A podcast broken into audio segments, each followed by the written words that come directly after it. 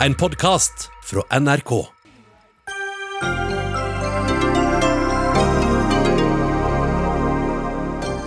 Sjokkerende at Norges Bank velger en ny oljefondsjef med penger i skatteparadis, mens Norge jobber for mer åpenhet, mener Tax Justice Norge. Tangen skal tjene penger for oss, ikke bli ny landsfader, svarer Minerva-redaktør.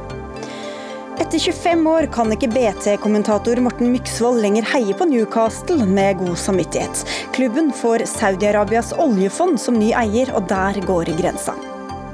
Drosjenæringa frykter et ras av konkurser. Nå ber de om utsettelse av et nytt regelverk de frykter vil gjøre alt enda verre. Og nordlendingen har vendt ryggen til det nasjonale fellesskapet, skrev Elin Ørjasæter. Vi har flokkimmunitet mot belærende utskjelling fra sør, svarer Altaposten.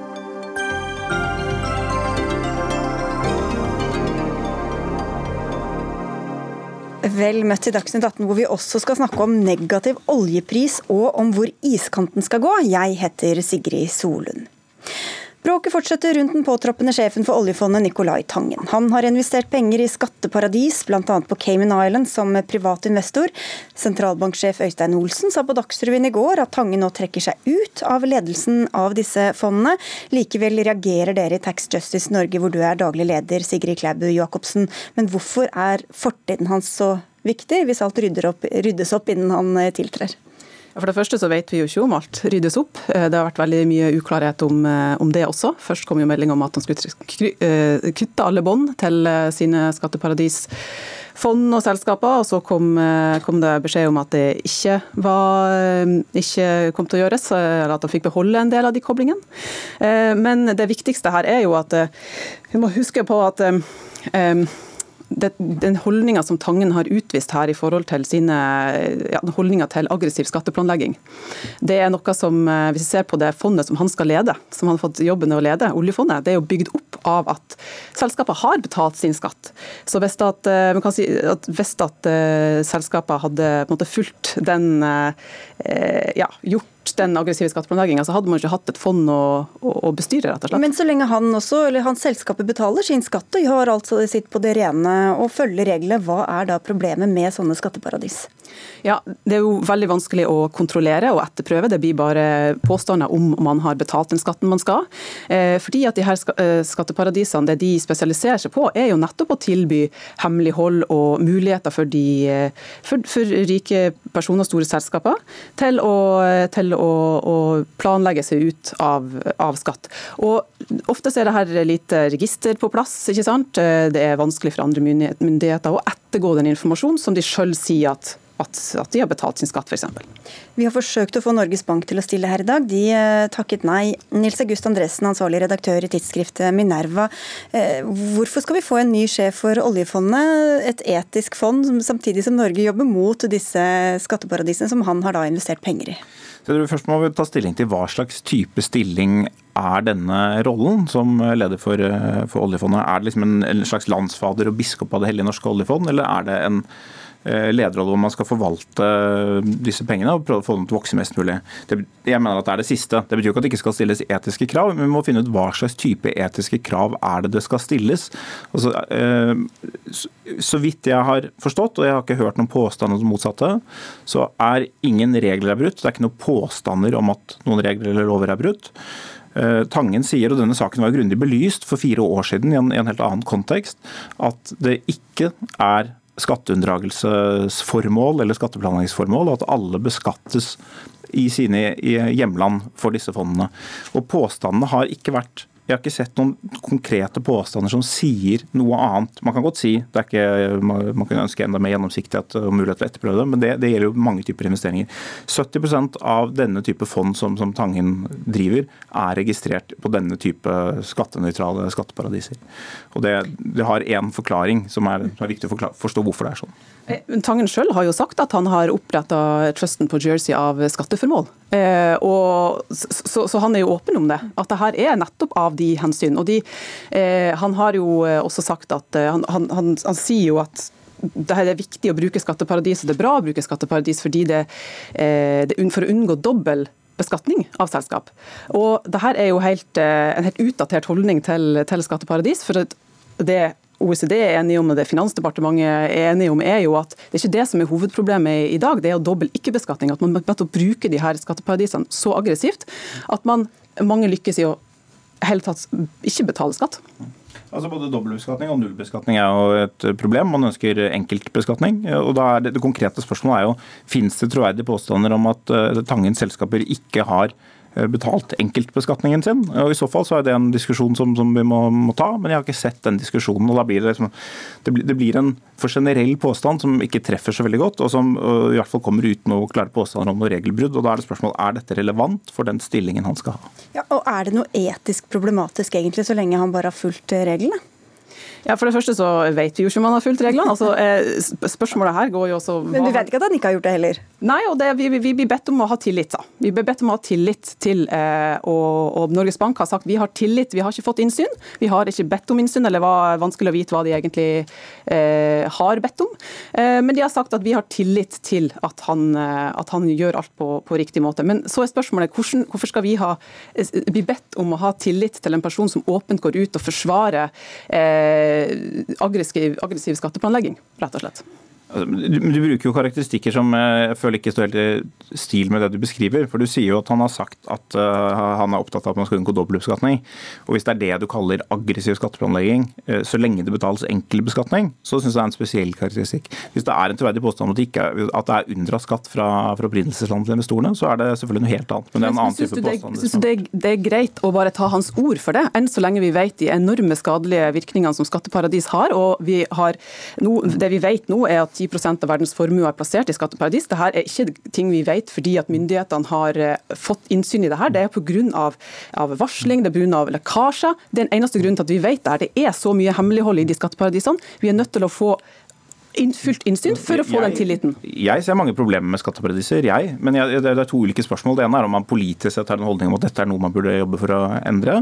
Det andre er om eh, Tangen konkret har gjort noe uetisk eller brutt noen lover som gjør at han er uskikket til å være leder av oljefondet. Det er to separate men, men hva gjør det med den tilliten, eller hva kan det gjøre med den tilliten, at han da skal lede et fond som, eh, for et land som også jobber mot de samme skatteparadisene? Altså, jeg føler at Det er litt sånn spørsmål av samme type som uh, Arbeiderpartiet er mot uh, friskoler og, og Støre og Stoltenberg har hatt barn på Steinerskolen, hvis jeg husker riktig. Altså liv og lære? Ja, liv og lære. fordi liv og lære er, henger sammen, men de henger ikke sammen så konkret. Altså 70% av de fondene som opererer på denne måten, er registrert i denne type land, skatteparadiser. Og Det har en konkret Eh, bakgrunn. Og så kan man si Vi ønsker å arbeide for å endre dette systemet, men den endringen er normalt av politisk karakter, og ikke alltid gjennom at folk tar unilaterale personlige beslutninger om å endre det. Vi skal få eh, inn en tredjeperson her, og ønsker velkommen eh, tilbake til deg, Henrik Syse, forsker og filosof, og god venn av Nicolai Tangen. Du var med i går og snakket om da mest om dette mye omtalte seminaret, som også har vært mye om i mediene, hvor du var en av deltakerne. Jeg nevnte du hadde bindinger til ham profesjonelt, og i dag blir disse bindingene også beskrevet skrevet i diverse aviser, som også har vært framme før. Og annet gjelder det da at du sitter i styret for flere av hans selskaper som er registrert i Caymanøyene, som også er beskrevet da som et skatteparadis. Og jeg sier det så du slipper å si det, du uttaler deg ikke på vegne av eh, styret. Men du sa her i går at du ser etiske problemstillinger der andre ikke ser noen ting. Så hvorfor er det etisk da helt uproblematisk å være involvert i disse skatteparadisene? Det var en litt dum uttalelse, for det fikk det til å høres som om jeg ser sånt bedre enn andre, og det gjør jeg ikke nødvendigvis. Jeg må si at dette her er jo en festuke for meg, hvor vi får diskutert de tingene jeg er så opptatt av. Etikk hele uken. Kanskje vi kan ha en hel uke neste uke hvor vi kan diskutere Platon. Jeg syns dette er storartet, men for å ta det alvorlige. Dette er noe som jeg er veldig opptatt av, og også har vært veldig opptatt av som styremedlem i KEM-fondene, eller snarere i AKO-fondene. Eh, og jeg syns det som Sigrid sier er helt riktig. Jeg synes Erling Borgens arbeid for å avdekke hva som er negativt og galt med skatteparadiser, er helt riktig. Men det som er saken her, er at disse fondene er registrert i Cayman Island. Det er ikke pga. skatteunndragelse eller hemmelighold, men det er fordi det er en type jurisdiksjon som de som investerer penger i den type fond, foretrekker. Altså, AKO-fondene investerer primært på vegne av veldedige eh, sykehus, universiteter.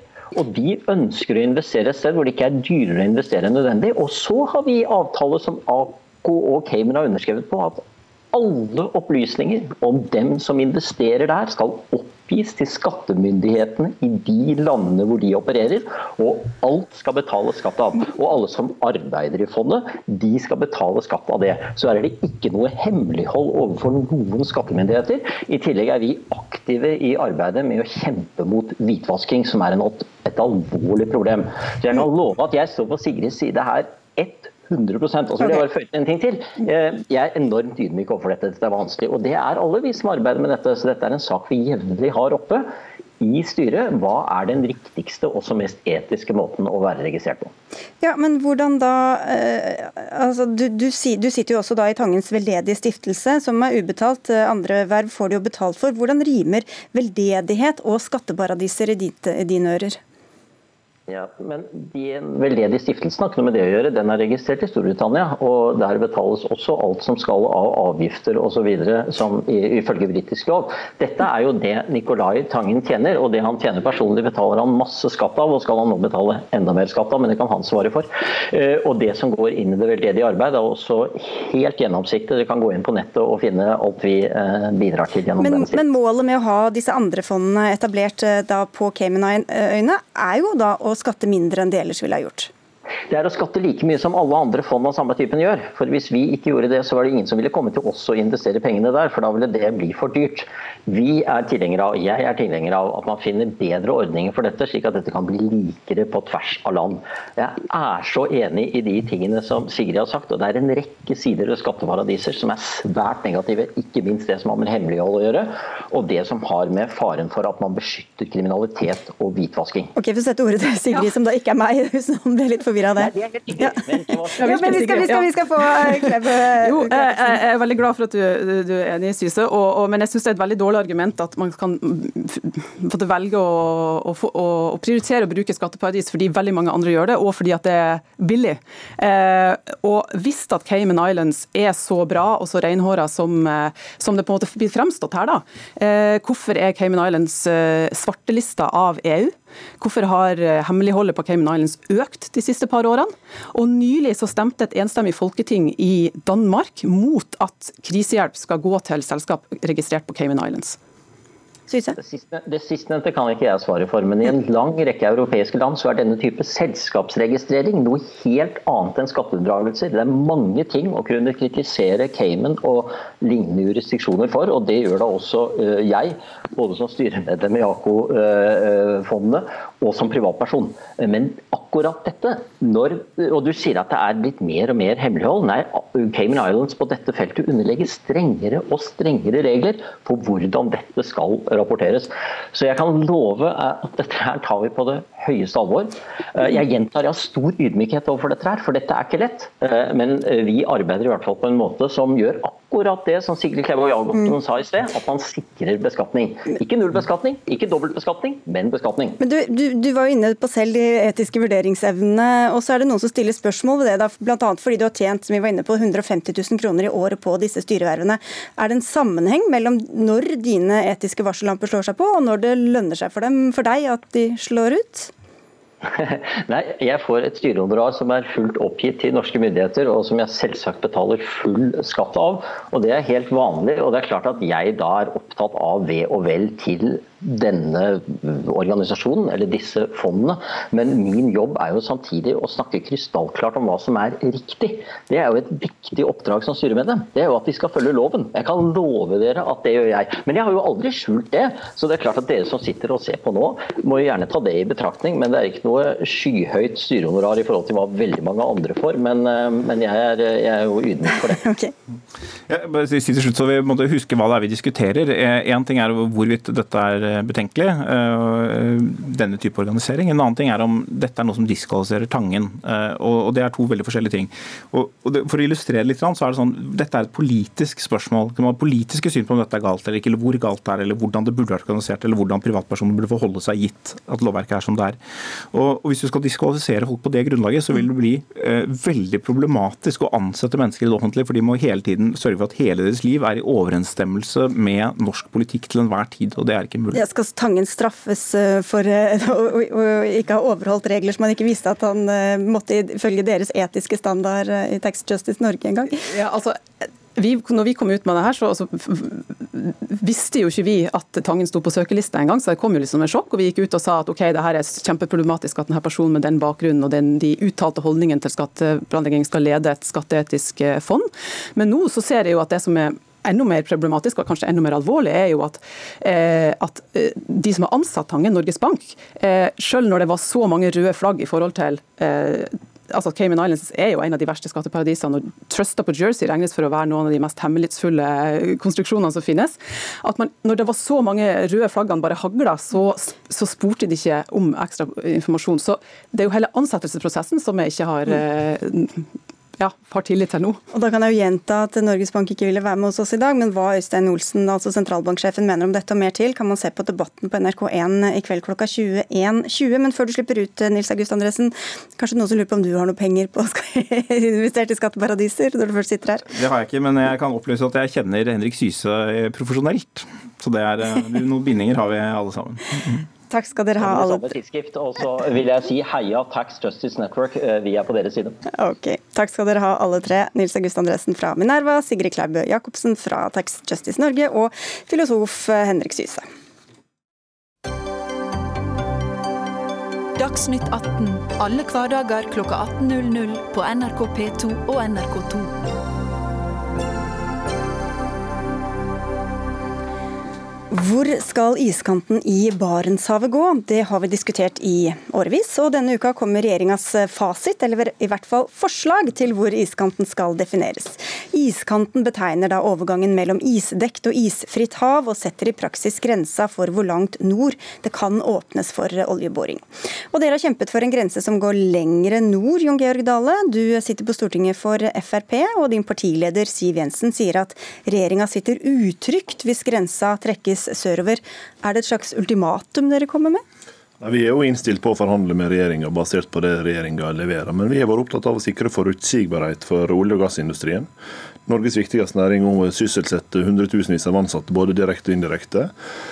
Og vi vet jo at eh, Hvis vi klarer å sikre langsiktige, forutsigbare rammevilkår, så kan vi skape nye virksomheter i Norge. Vi kan eh, fortsette å holde arbeidsplassene oppe. og Spesielt den tida vi er inne i nå, viser jo oss verdien av det. Så til sjuende og sist handler dette om skal vi fortsette å utvikle norsk olje- og gassindustri, eller skal vi la miljøbevegelsen fortsette kampen eh, med det som resultat at vi får stadig mindre areal å lete på. Så det sitter ikke noe mer utrygt enn det det gjorde i saker, andre saker dere gikk imot regjeringa på, om bioteknologi eller sykehusstruktur eller pelsdyrkompensasjon eller osv. Ja, jeg mener jo det, det de signalene som kom denne uka, nemlig at eh, regjeringa ville søke til andre partier for å finne løsninger.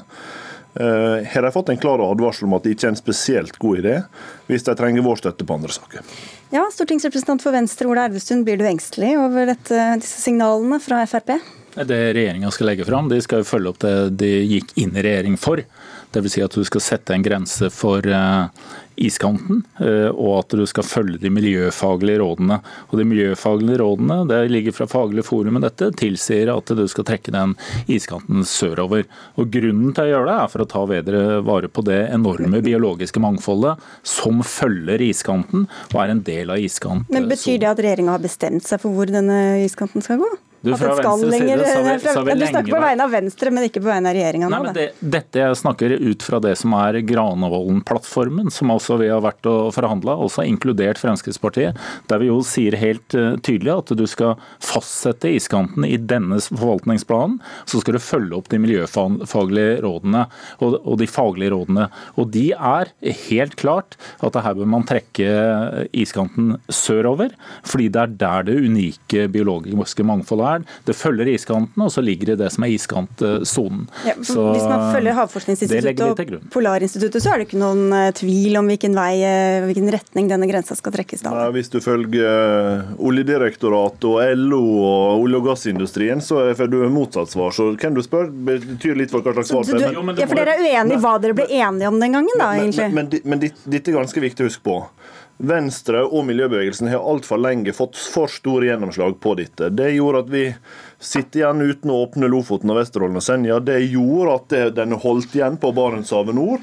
Og nå prøver han å flytte grensa inn igjen i området der det allerede er tillatt letelisenser for å starte opp olje- og gassproduksjon. Og Det er da du reelt sett begynner på en karusell som kan medføre at vi setter arbeidsplasser i fare, at vi blir mindre forutsigbare som land å investere i. Men, og som, det sa du i eh, stad. Men bare, bare hvis jeg kan få et veldig enkelt svar, Dale. Er du da uenig i den beskrivelsen Elvestuen ga av hva dere faktisk ble enige om i Granavolden? Ja, det er det, det, Du tolket det ikke på den måten. nei, men, men, det, men det, er jo et, det er jo et faktum. Vi, vi, vi er enige om at vi skal fastsette iskantsona. Ja. Men vi har på ingen måte på noe tidspunkt vært enige med Venstre i at det er om å gjøre for å se hvor langt sørover vi klarer å flytte den. Tvert imot. Vi har vært opptatt av, å sikre forutsigbarhet for olje- og gassindustrien. Men enigheten er at man skal følge miljøfaglig råd for å ta vare på den unike naturen som er der, og ikke følge det som er interesseorganisasjoner, som, det, som er de som du, Ja, du tok opp. Og I tillegg så er det jo nett... Er Oljedirektoratet en En interesseorganisasjon? gang- en Nei, det var. LO du trakk frem. Og så er det klart at eh, ja, det er helt riktig at Venstre har stått bak også at vi ivaretar den viktigste eh, torskestammen i verden eh, i Lofoten, Vesterålen og Senja. Det er helt riktig, men du kunne tatt med Mørefeltet også. Og nå handler det om å ivareta eh, da de viktige områdene omkring iskanten. Men- og det er en balanse opp mot eh, eh, petroleumssektoren. Og det er ingen stor aktivitet av olje- og gassvirksomhet i disse områdene Dere, i dag. vi skal få inn, dere trenger jo da fra regjeringshold eh, et flertall. Eh, Dere er jo en mindretallsregjering i tilfelle du hadde glemt det. Enten fra Fremskrittspartiet eller fra Arbeiderpartiet. Espen Barth Eide, hvor du, som du representerer på Stortinget, bør iskanten da trekkes nordover eller sørover? Det som skal komme nå veldig snart, er jo en forvaltningsplan for Barentshavet. og Da har vi bedt noen av våre fremste fagfolk om å hjelpe oss med å definere hva er de faktiske forhold? Altså Hvordan ser det ut der oppe? Hva skjer med isen? Hva er denne nye iskantsonen som vi nå har lært trekker seg både oppover og nedover, litt avhengig av eh, raskere bevegelser enn tidligere. og Der er det et veldig rikt marint liv. Og Jeg legger til grunn at regjeringen hører på de faglige rådene. Så bør vi la fag være fag og politikk være politikk. Så er det politikernes rolle å bestemme hvilke avveininger gjør vi mellom miljøfaglige, naturfaglige innspill på den ene siden og næringsvirksomhet på den andre siden. Men det liksom som Johan Georg Dale og Fremskrittspartiet gjør, som nærmest har tenkt å overprøve fagfolkene i utgangspunktet før den er lagt fram, det syns jeg er veldig rart. Men dette, si at som vi har vært inne på, så Ja. kommer det an på hvem, hvilke faglige råd man vil lytte til. Da. Om det er f.eks. Oljedirektoratet Ja. på den ene siden, eller om det blir miljøfaglige rådene på den andre siden. Og alt dette er jo klart hvem som rår eh, til hva. Altså hvem vil Arbeiderpartiet lytte til? Altså, eh, selve Forvaltningsplanen legges jo fram av eh, Klima- og miljødepartementet, og det er ikke minst Miljødirektoratet som legger opp det arbeidet. Eh, Og eh, De faglige instituttene vi snakker om der, er jo ganske samstemte om dette med en iskantsone. Så Det er et veldig viktig kunnskapsgrunnlag som vi må ta alvor, på alvor. Men hva er det dere ikke vet, hva er det dere ikke vet som, som eh, dere forventer å få Nei, vi svar vet på fra egentlig regjeringa? ganske mye om dette. Vi har snakket med Ja, de berørte miljøene. hvorfor kan dere ikke miljø... bestemme dere da før regjeringa kommer fordi- med sin politikk? Fordi vi syns det er ryddig og rimelig at regjering som er regjering, og som har hele oversiktsbildet, legge fram sin innstilling. Og så begynner vi i Stortinget å forhandle på grunnlaget av det. og Da kommer vi til å se veldig nøye på hva regjeringen legger fram. Hvis de har lyttet til de faglige rådene og gjort et klart skille mellom hva som er fag og hva som er politikk, og hva, hva avveiningene de går inn for går ut på, så vil, vi, eh, så vil vi samarbeide om det. og Vi ser fram til det arbeidet. Men det er riktig at regjeringen legger fram først. Og Jeg konstaterer at vi her står overfor et parti, Fremskrittspartiet, som forsøker å liksom, gjøre sine hoser grønne i, i næringen, men jeg tror egentlig det er det siste næringen vil. For det å bli en brikke i FrPs identitetspolitiske spill, er du med oss eller er du mot oss, er du stolt eller ikke stolt av oljearbeideren, det er helt feil tilnærming. Vi trenger mye bredere forståelse skal for den bransjen. Du, men, ja, men du, vil, du vil ikke lytte til faglige råd? Da? Du vil bare la politikk være politikk, eh, uavhengig av hva de faglige rådene sier? Nei, det vil vi ikke vi legge vekt på faglig råd. Miljødirektoratet er f.eks. en annen konklusjon.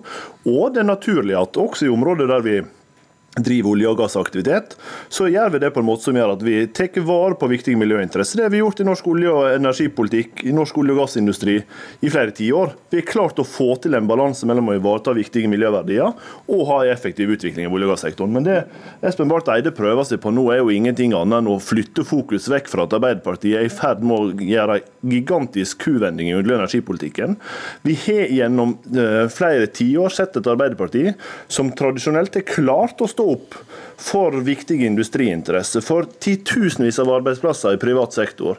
Men nå ser vi et Arbeiderparti på glideflukt i retning av det, som ikke engang tør å ta standpunkt i viktige politiske saker før regjeringa har vist sine kort. Og Det tror jeg er litt av den utfordringa vi nå kommer til å se. Jeg tror veldig mange i norsk olje- og gassindustri er glade for at vi er parti som står opp og sier at vi skal sikre titusenvis av arbeidsplasser. Ikke bare de neste to åra, men de neste 20 og 30. Okay, men dette er jo med respekt å melde tøv. fordi at Vi er veldig opptatt av at denne næringen, akkurat som fiskerinæring, som mineralnæring, som shippinginteresser, har et behov for å ha en solid forankring, solid forståelse i befolkningen for det de driver med. Vi har i mange tiår nå drevet med, eller to tiår har vi holdt med forvaltningsplaner som nettopp har gått ut på at vi spør våre beste fagfolk om deres faglige råd, og så gjør vi politiske vurderinger basert på dem. Vi vil videreføre den tradisjonen. Det Fremskrittspartiet nå gjør, er å hoppe over den tradisjonen ved å bestemme seg på forhånd, uavhengig av hva de faglige rådene tilsier til eh, hvor de ønsker å lande. Og På en måte er det det Venstre har gjort også, for de var jo også for en iskant sørover lenge før det ble klart hva som egentlig var de faglige rådene, de også. Så på en okay. måte Det vi prøver å gjøre, er å si at vi respekterer tradisjonen med forvaltningsplaner, og vi kommer til å høre på fagfolk, og så lar vi fag være fag og politikk være politikk. Noe av det som er litt forvirrende kanskje også i den avtalen dere ble enige om, er jo at man ikke ble helt enige om hvor mye is som må være dette området for at det skal kunne defineres som at det faktisk er is der, og hvor mange dager i april osv., hvis jeg husker rett. Men Elvestuen, dersom dere da ikke får gjennomslag i regjeringa fra Venstres side. Eh, men iskanten legges lenger nord enn det, enn det, dere ønsker. Hva satser du da på, og hvem satser du på i Stortinget? Mm. Nei, men det, det skal, vi må følge Granavolden. Eh, og Da skal du følge de miljøfaglige rådene. og miljøfaglige rådene har ligget der, og det ligger der ja, i flere år. Men Frp bryr seg ikke om Granavolden Jo, men da regjeringen og hva regjeringen skal legge fram, så, så, skal det være en fast grense. Og, og, du må følge de miljøfaglige rådene, og da handler det om at en skal gå sørover. Men Du kan ikke late som om ikke dette er en debatt vi... innad i regjeringa, at Høyre har et annet synspunkt enn det Venstre har? Ja, men derfor har vi også, satt vi også i forhandlinger både til Jeløya og vil ha grunnlag også på Granavolden. Derfor er jeg ganske trygg på hva som, hva som kommer, og så får vi se graden av det.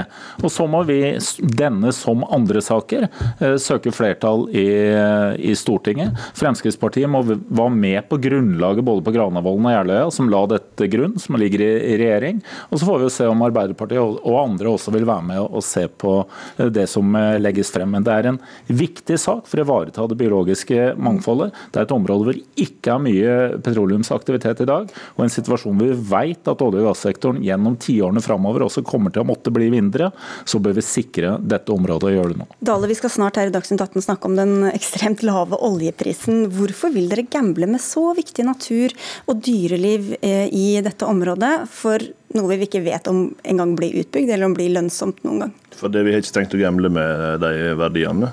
Derfor, hvorfor, dere gjør jo det hvis nei, alle de faglige miljøfaglige nei, nei, rådene det, sier at det, ikke skal trekke den grensa Det er jo det som er hele poenget. Det som er Spørsmålet nå det er om de områdene vi har åpna for oljeaktivitet, basert på de, de kunnskapsgrunnlaget vi har hatt gjennom flere tiår, om vi skal gå tilbake igjen med å flytte iskantsona sør og inn i de områdene der vi allerede har gitt letelisenser. Det er det som setter arbeidsplasser i fare. Går vel litt på tvers, og, så det blir noen og, og, og, det, og det gjør jo at det er fullt mulig å ivareta alle miljøverdiene vi trenger om å ivareta i Barentshavet, og samtidig åpne for olje- og gassaktivitet.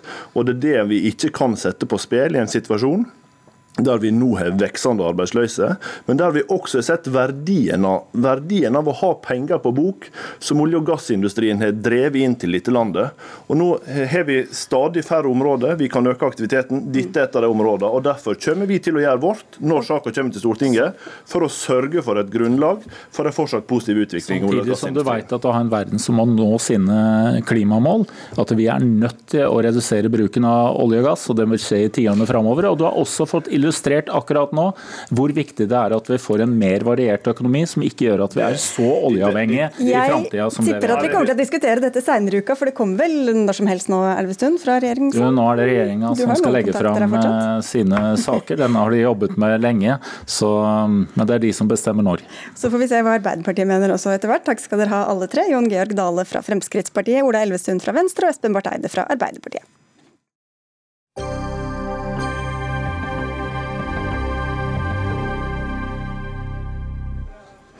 Nordlendinger har levd opp til alle negative stereotypier, skrev Elin Ørjasæter og hissa på seg ganske mange. En av dem møter hun eh, til debatt mot slutten av sendinga. Er du fotballsupporter, så vet du dette. Én ting gjør du aldri, og det er å bytte lag. Men blir det for umulig å fortsette å heie, så kan man bryte, og det har du gjort, Morten Myksvold. Du er politisk kommentator i Bergens Tidende og har tatt en tung avgjørelse etter 25 år som Newcastle-supporter. Hva skjedde? Eh, Saudi-Arabia sitt oljefond er i ferd med å kjøpe opp Newcastle United, som spiller i Premier League, og, og som jeg har fulgt i, i 25 år.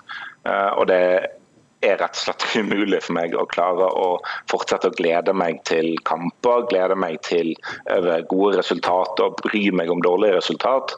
Når jeg vet at de som eier klubben, halshugger opposisjonelle, de har drept og partert en journalist eh, for et par år siden, de torturerer menneskerettighetsforkjempere i landet sitt. og eh, dette regimet skal bruke den klubben som jeg har fulgt siden jeg var ni år, i en sånn internasjonal storpolitisk PR-kampanje.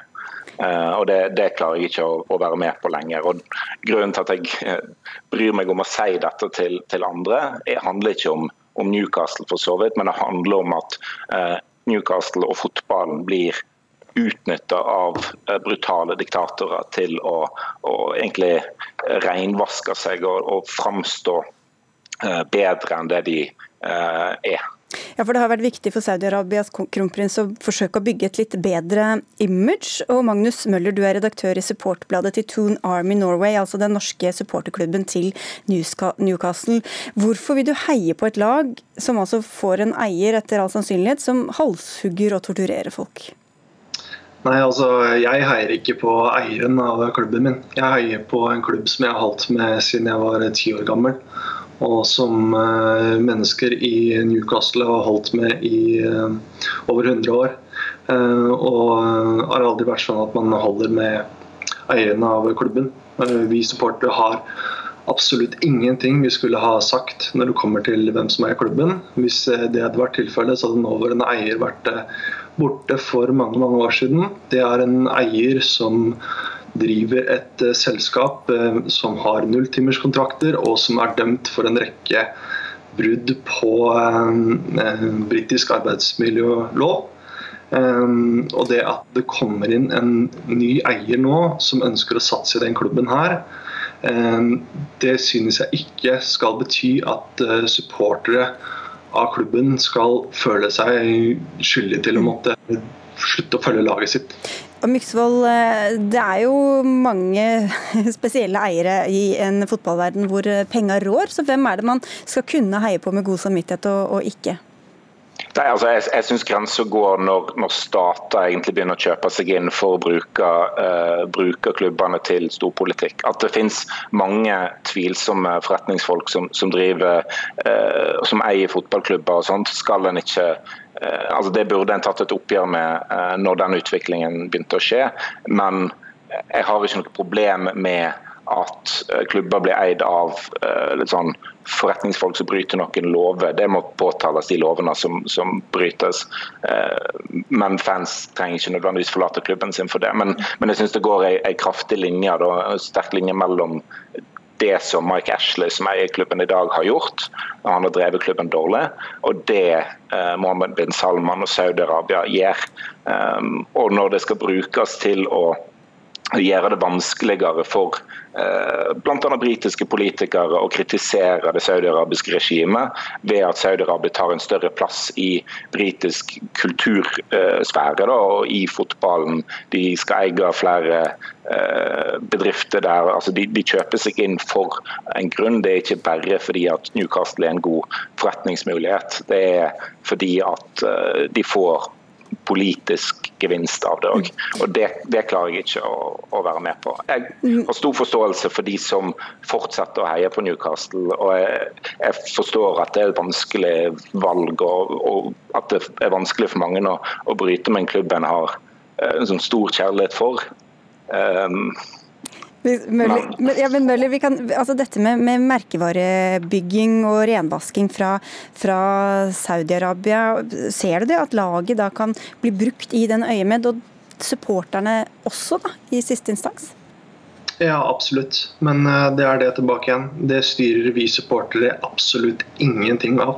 Vi har ingenting vi skulle ha sagt i forhold til hvem som eh, eier klubben vår. Og det er uh, selvfølgelig ikke sånn at uh, verken meg eller noen andre Newcastle-sportere som jeg har kontakt med, uh, overhodet støtter noe av det regimet i Saudi-Arabia står for. Men problemet her eh, handler ikke om det. Problemet handler om eh, kapitalisme i fotball generelt. Eh, for hadde det vært sånn at det hadde vært det idealistiske var at det er lokalsamfunnet som skulle eie klubben sin, og ikke en rik mann som kan gjøre hva man, hva man vil.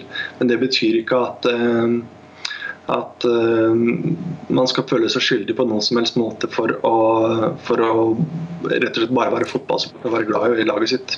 Er det noe som kan stanse dette oppkjøpet, Myksvold? Premier League skal, eh, etter de rapportene som har kommet nå, måtte godkjenne det, og det har de foreløpig ikke gjort. Eh, men, men, jeg tviler på at Premier League vil si nei til veldig masse penger bare fordi de liksom skal ha, ha skaffa seg et eller annet moralsk fiber de siste årene. Eh, så jeg er rimelig sikker på at dette, dette går igjennom nå. Eh, Mike Ashley har allerede sikra seg en del av, av, betalingen for det. Så, så overgangen har, eller oppkjøpet har gått såpass langt at det neppe, neppe snur nå. Hva med deg, blir det et nytt lag, eller er det slutt på fotballen? Nei, Jeg klarer ikke å bytte lag. Altså, det har vært flere som har sagt til meg ja, du kan jo bli Liverpool-supporter, du kan jo begynne å heie på det og det. og Det, det, det bryter jo med alt fotballen står opp for. Jeg, jeg, har andre lag i andre ligaer jeg kan følge, men, eh, men, å finne et nytt lag i England er fullstendig uaktuelt. Sånt gjør en bare ikke. da fikk vi et smil også fra Magnus Møller, så jeg er redaktør i supportbladet til Tune Army Norway. Takk til deg, og takk også til deg, Morten Myksvold, som er politisk kommentator i Bergenstidene.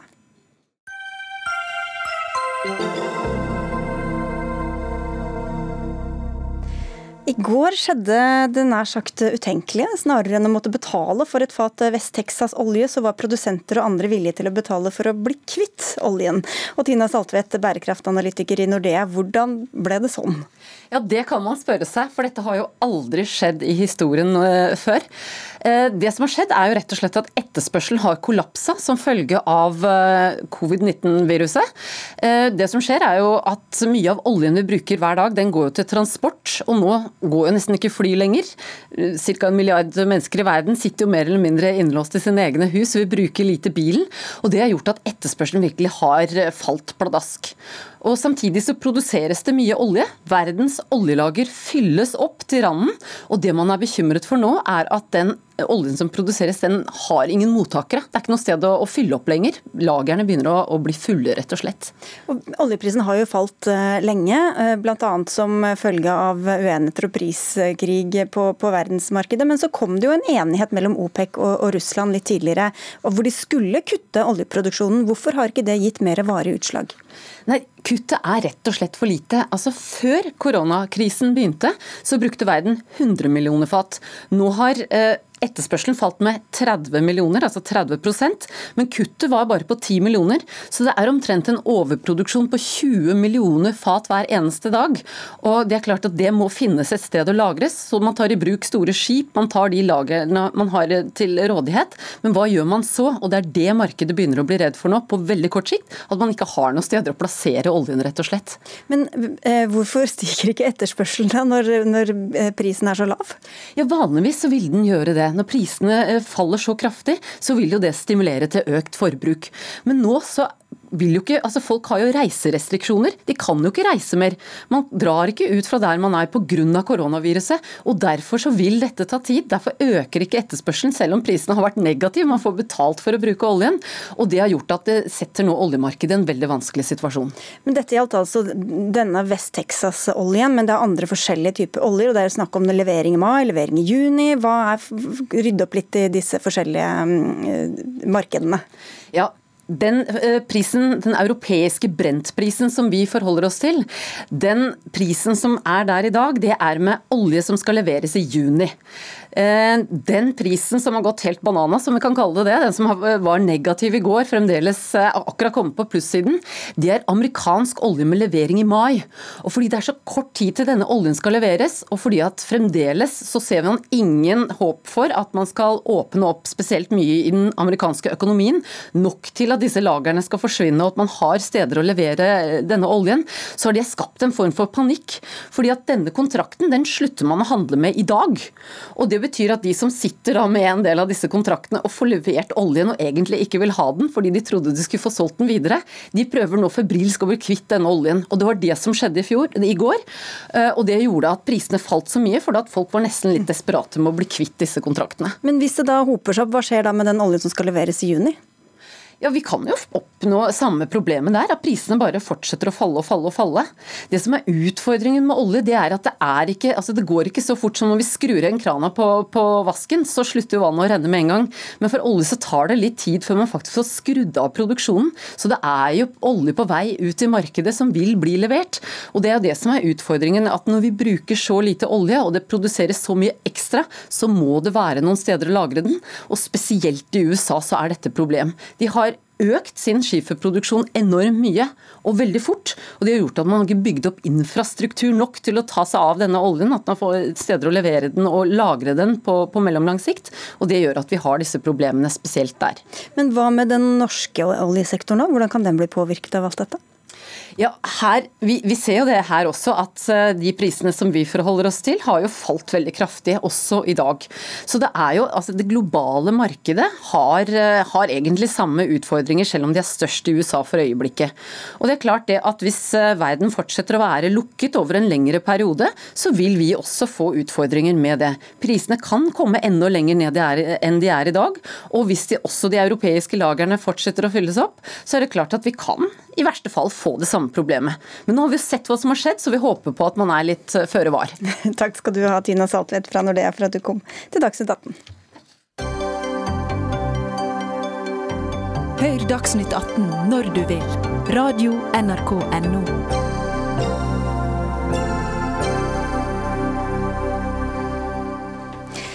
1.7 skal det bli nye regler i drosjenæringa, hvor det blir frislipp av løyver og drosjene ikke må være tilknyttet en sentral. Men nå er det så stor krise i bransjen at mange sjåfører frykter for framtida si, og da ber dere om en utsettelse av disse regelendringene. Hanne Skåle Tofsen, du er direktør i Norges Taxiforbund. Hvorfor er det så ille for dere akkurat nå? Drosjenæringa er i en kjempekrise. Eh, vi har 80-100 eh, omsetningsbortfall. Eh, og det er en del som står i reell fare for å gå personlig konkurs. Det er ikke lov å være et AS, så man må være etablert som et enkeltmannsforetak. Så det er jo veldig kritisk for, for de løyvehaverne som da også risikerer å miste hus og hjem, rett og slett. Ja, For folk har rett og slett slutta å ta drosje? Det er riktig. Etter 12.3 så var det full stopp. Hvorfor er det da ekstra belastende med å få dette nye regelverket som skal komme i juli? Altså, vi vil være med å konkurrere, men da må det være på like vilkår. Eh, I utgangspunktet så er jo ikke vi veldig positive til loven, men den er nå engang vedtatt av, eh, av et samlet, eller av et eh, storting med flertall. Så da må vi jobbe politisk i stedet for å endre de reglene som, som vi er uenige i. da. Men vi vil veldig gjerne være med å konkurrere. Um, og det kan vi ikke når vi ligger nede med en brukken rygg, for å si det sånn. Altså en samla næring som ligger nede. Ja, fordi Det som skal skje 1.7, er jo også da at man skal få nye aktører inn på dette markedet. Inger Lise Blyverket, direktør i Forbrukerrådet. Du vil beholde denne datoen og ønsker de nye aktørene velkommen. Men hvorfor det, når du ser eh, denne drosjenæringa ligge da med brukket rygg, sånn som det er nå? En av årsakene er jo at dette er et regelverk som er vedtatt av Stortinget. Og det er en god del aktører, både de som i dag står utenfor taxibransjen og de som også er innenfor, som har forholdt seg til at de endringene trer i kraft, og investert i henhold til det. Det å ha forutsigbarhet for når rammebetingelsene gjelder fra, det tror vi er viktig, også for å sikre den konkurransen. Og Både Konkurransetilsynet og Forbrukerrådet har jo over år vært veldig bekymret for eh, dette markedet. Det fungerer ikke, det er ikke trygt for kundene. Prisene er for høy, kvaliteten er for lav. Og Det er jo rett og slett fordi det ikke finnes noen reell konkurranse pga. at regelverket har vært så rigid. Det eh, vedtaket som nå er fattet i Stortinget, og som man altså har fått nærmere et år på, å innrette seg på, det vil skape mye større fleksibilitet. Og vil faktisk også, eh, hvis det hadde vært innført allerede, gjort det mye enklere for taxinæringen å tilpasse seg de endringene som oppstår f.eks. ved eh, fall i etterspørselen. Sånn som det er i dag, så er det ofte eh, større tilbud enn etterspørsel uten at det gir seg utslag i pris, f.eks. Ja, Det er jo vi uenig i. Altså, vi mener jo at det er god kvalitet i, i næringa, men at det du viser til er kanskje en, en storbyproblematikk. Eh, altså, i, både på Gjøvik eh, og i Narvik så har de fått serviceprisen, drosjenæringa der, eh, fordi at de yter god service. Det er drosjesjåfører og løyvehavere som faktisk møter opp på sykehus, er oppe og henter pasientene, hjelper de ut, hjelper de opp igjen i fjerde etasje der de bor. Så at servicen eh, er ikke å klage på, egentlig. Eh, men at noen ødelegger for bransjen, ja. Det, vi har de samme problemene som eh, kanskje mange i andre seriøsitetsbransjer. Det finnes dyktige eh, drosjesjåfører. Det har aldri Forbrukerrådet stilt spørsmål ved. Det finnes veldig dyktige drosjesjåfører og god transporttjeneste mange steder. Mm. Men vi har mange undersøkelser som viser mm. at det er store utfordringer. Jeg syns det er unødvendig å egentlig avvise det, også fordi eh, vi har et, et vedtak om å gjøre denne taxibransjen til et marked sånn som alle andre bransjer. Og det er det som er Forbrukerrådet Eh, innfallsvinkel til dette. Når, det, når, det, når, etableringshindringene er så store, så slippes ikke nye aktører inn. Og det gjør noe med hele kvaliteten. De, de ber jo ikke men endelig, de ber om en utsettelse, og det skjer jo da i en tid hvor alle andre bransjer får eh, lempinger og får krisepakker og det ene og andre. Hvorfor skal drosjenæringa eh, straffes så hardere enn andre skal? Ja, nå opplever jeg jo ikke at de straffes, da. Og drosjenæringa er jo ikke helt enige. Det er jo ikke sånn at Norges Taxiforbund snakker på vegne av hele næringa. Det fins også etablerte aktører, f.eks. den nest største aktøren i Oslo, som har forberedt seg og innrettet seg på regelverksendringene og står klar til å starte. Sånn at når det snakkes om konkurranse på like vilkår, så må det også være forutsigbarhet for de rammebetingelsene, sånn at de som faktisk har trodd at det skulle være mulig å tre inn i markedet, får anledning til det. Hva med alle de som har forberedt seg på disse endringene, og så skal det plutselig bli utsatt et år? Mm, jeg vil skjønne at at folk har lyst inn i den bransjen, for det er en eh, spennende bransje å jobbe i. Eh, men det er jo viktig å ta vare på de som allerede er der, eh, mener vi. Men da går det utover de som kanskje har investert og forberedt seg på å tre inn i det? Ja, det kan du si, men det er jo en del som allerede har investert i det, og som nå ikke får lov til å jobbe med det de jobber med, fordi at markedet er nede. Det er derfor det er litt spesielt også å høre nå når du sier at eh, man tenker seg ett års utsettelse. Det er ikke noen tvil om at det er ganske så sterke aktører, og mange av dem fins i Norges Taxiforbund, som er veldig imot eh, denne endringen som nå er vedtatt. Og Begynner man å snakke om et års utsettelse, så begynner vi å nærme oss synes jeg, en diskusjon om omkamp. Og vi nærmer oss en ny valgkamp. Eh, og jeg syns det er useriøst faktisk å begynne å snakke om at det er koronakrisen som skal være avgjørende for om man eh, tar i eh, bruk et regelverk som ble vedtatt for et år siden.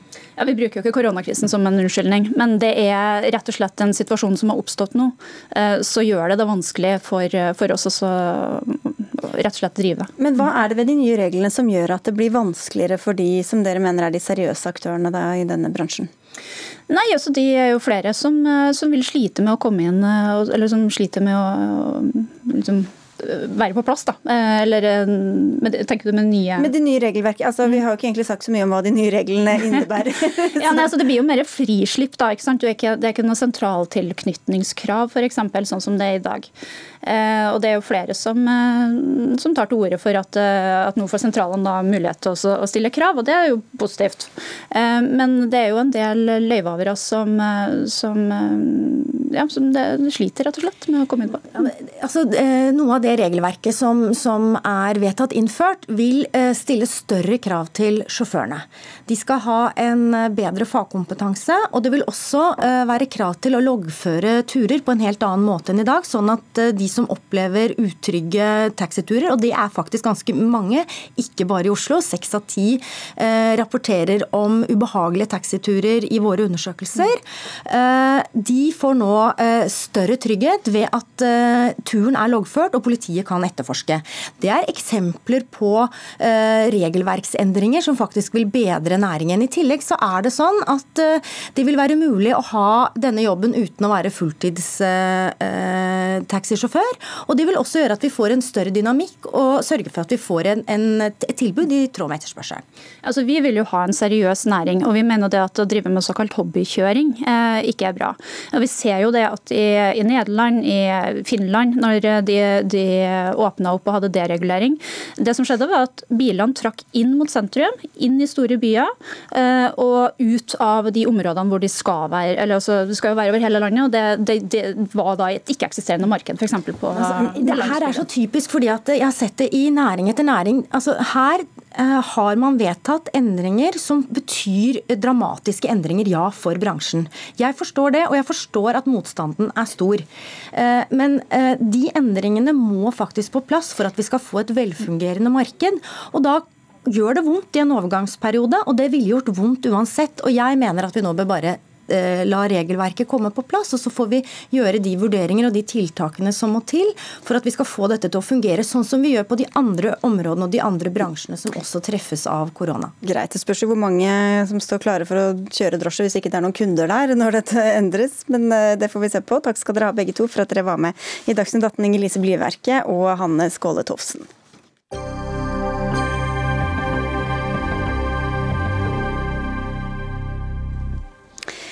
Søringkarantene ble i NRK kåret til det mest populære koronaordet, men fenomenet er ikke særlig populært hos eh, vår neste gjest, for med denne karantenen har nordlendingen vendt ryggen til det nasjonale fellesskapet, skriver du, dosent og forfatter Elin Ørjasæter i eh, Nettavisen.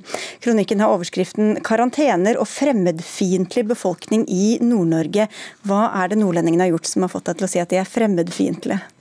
Det er jo det at de har kombinert disse karantenene, som trolig er ulovlige, de har kombinert dem med et voldsomt forakt og raseri mot søringer. Og det har jo manifestert seg både i eh, nordnorsk presse, med de mest voldsomme utfall mot uh, søringer, og, uh, og, ikke minst i kommentarfelt og på sosiale medier. Og jeg har jo gitt noen eksempler på det i saken min, da. Ja, du, du, viser også til stereotypier og klisjeer om nordlendinger og sier at de, de, er blitt bekreftet i løpet av denne koronatiden. og Hvilke klisjeer er det, mener du?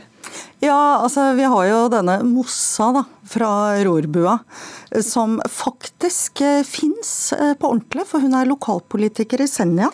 Eh, og hun skrev jo at jeg hæres ikke søringa, og jeg ønsker meg inn i helvete så mye søringkarantene at vi kan få evig fred for disse søringene.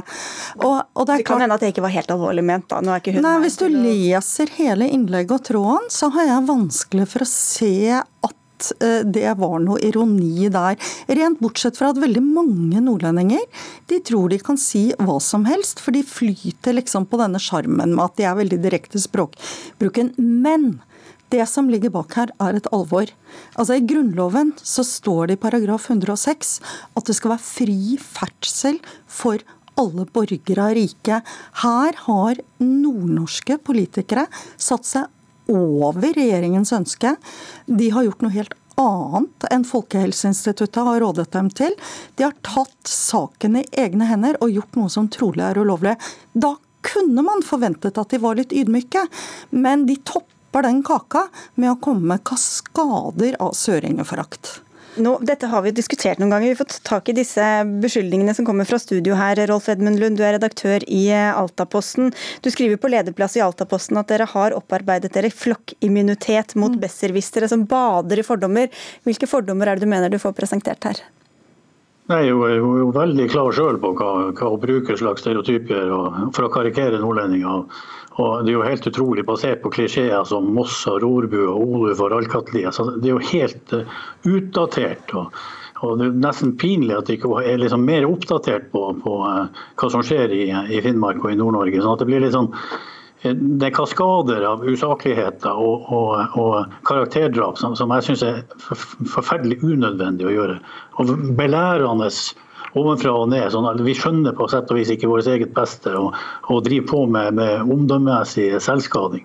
Så, så, det blir litt sånn her eh, overdrevent og kun for å provosere. Det er min ærbødige påstand. At, eh, sånn at eh, når jeg sier at vi er immune, så går det rett og slett på at man blir bare rett og slett oppgitt over at det kommer hver eneste gang den type, type ting som, som, ikke innbyr til debatt i det hele tatt om hvorfor man har de karantenereglene på plass. For Det er jo en begrunnelse som ligger i bunnen her, men det diskuterer hun overhodet ikke. Hun er mest opptatt av å, å, kalle oss for ting, sånn som fremmedfiendtlig om, om finnmarkinger. Hun skriver at fremmedfiendtlighet over landsmenn er en dyd i Finnmark.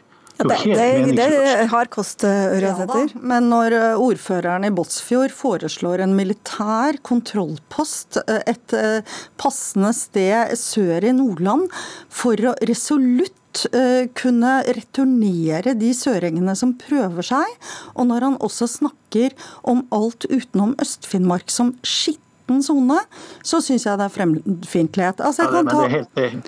Det er fullstendig tatt ut av kontekst. Det er det som er, er, problemet med hele innlegget ditt. Eh, sånn som å kalle Finnmark legeforening for hysterikere. Jo, men kan jeg få forklare sånn hvorfor jeg gjorde det? Altså, okay, det, det det Finnmark legeforening med leder og nestleder sammenligner Elisabeth Aspaker, altså fylkesmannen, med tyskerne under krigen. De siterer plakater 'skutt blir den'. De som lurer på om jeg tuller nå, de kan bare søke opp saken i Nordnorsk debatt i Nordlys.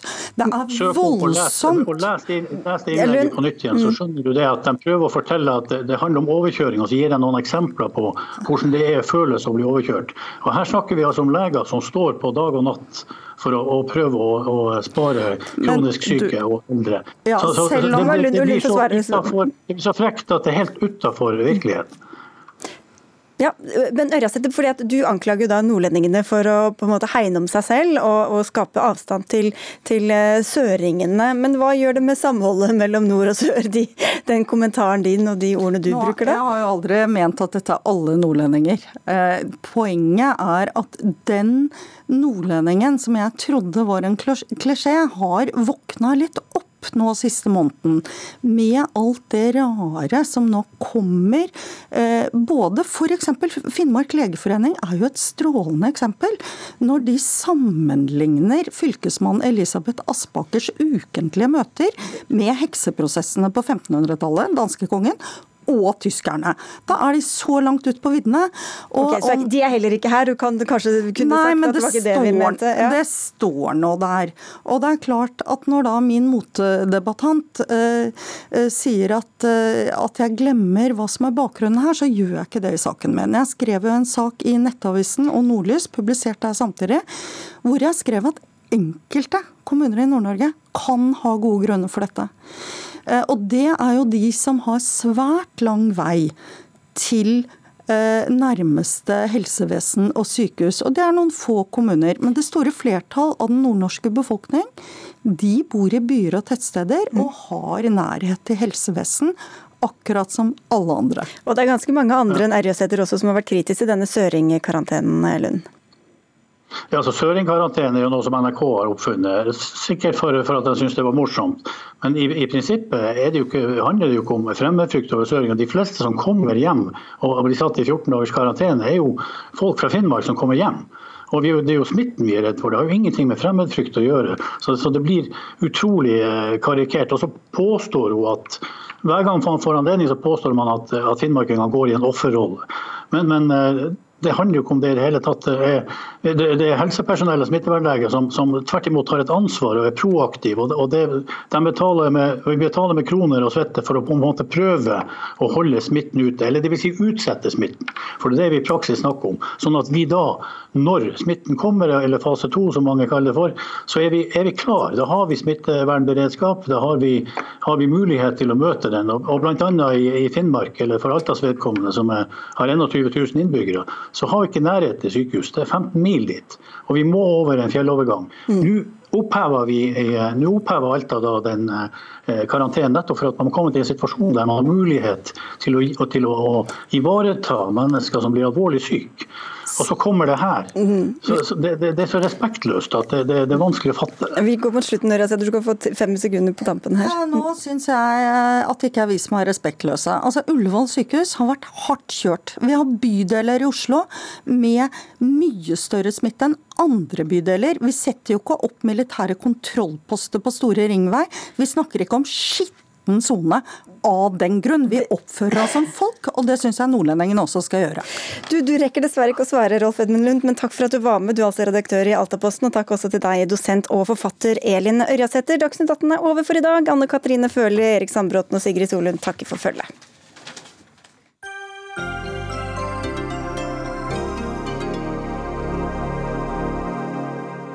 Du har hørt en podkast fra NRK. Hør flere podkaster og din favorittkanal i appen NRK Radio.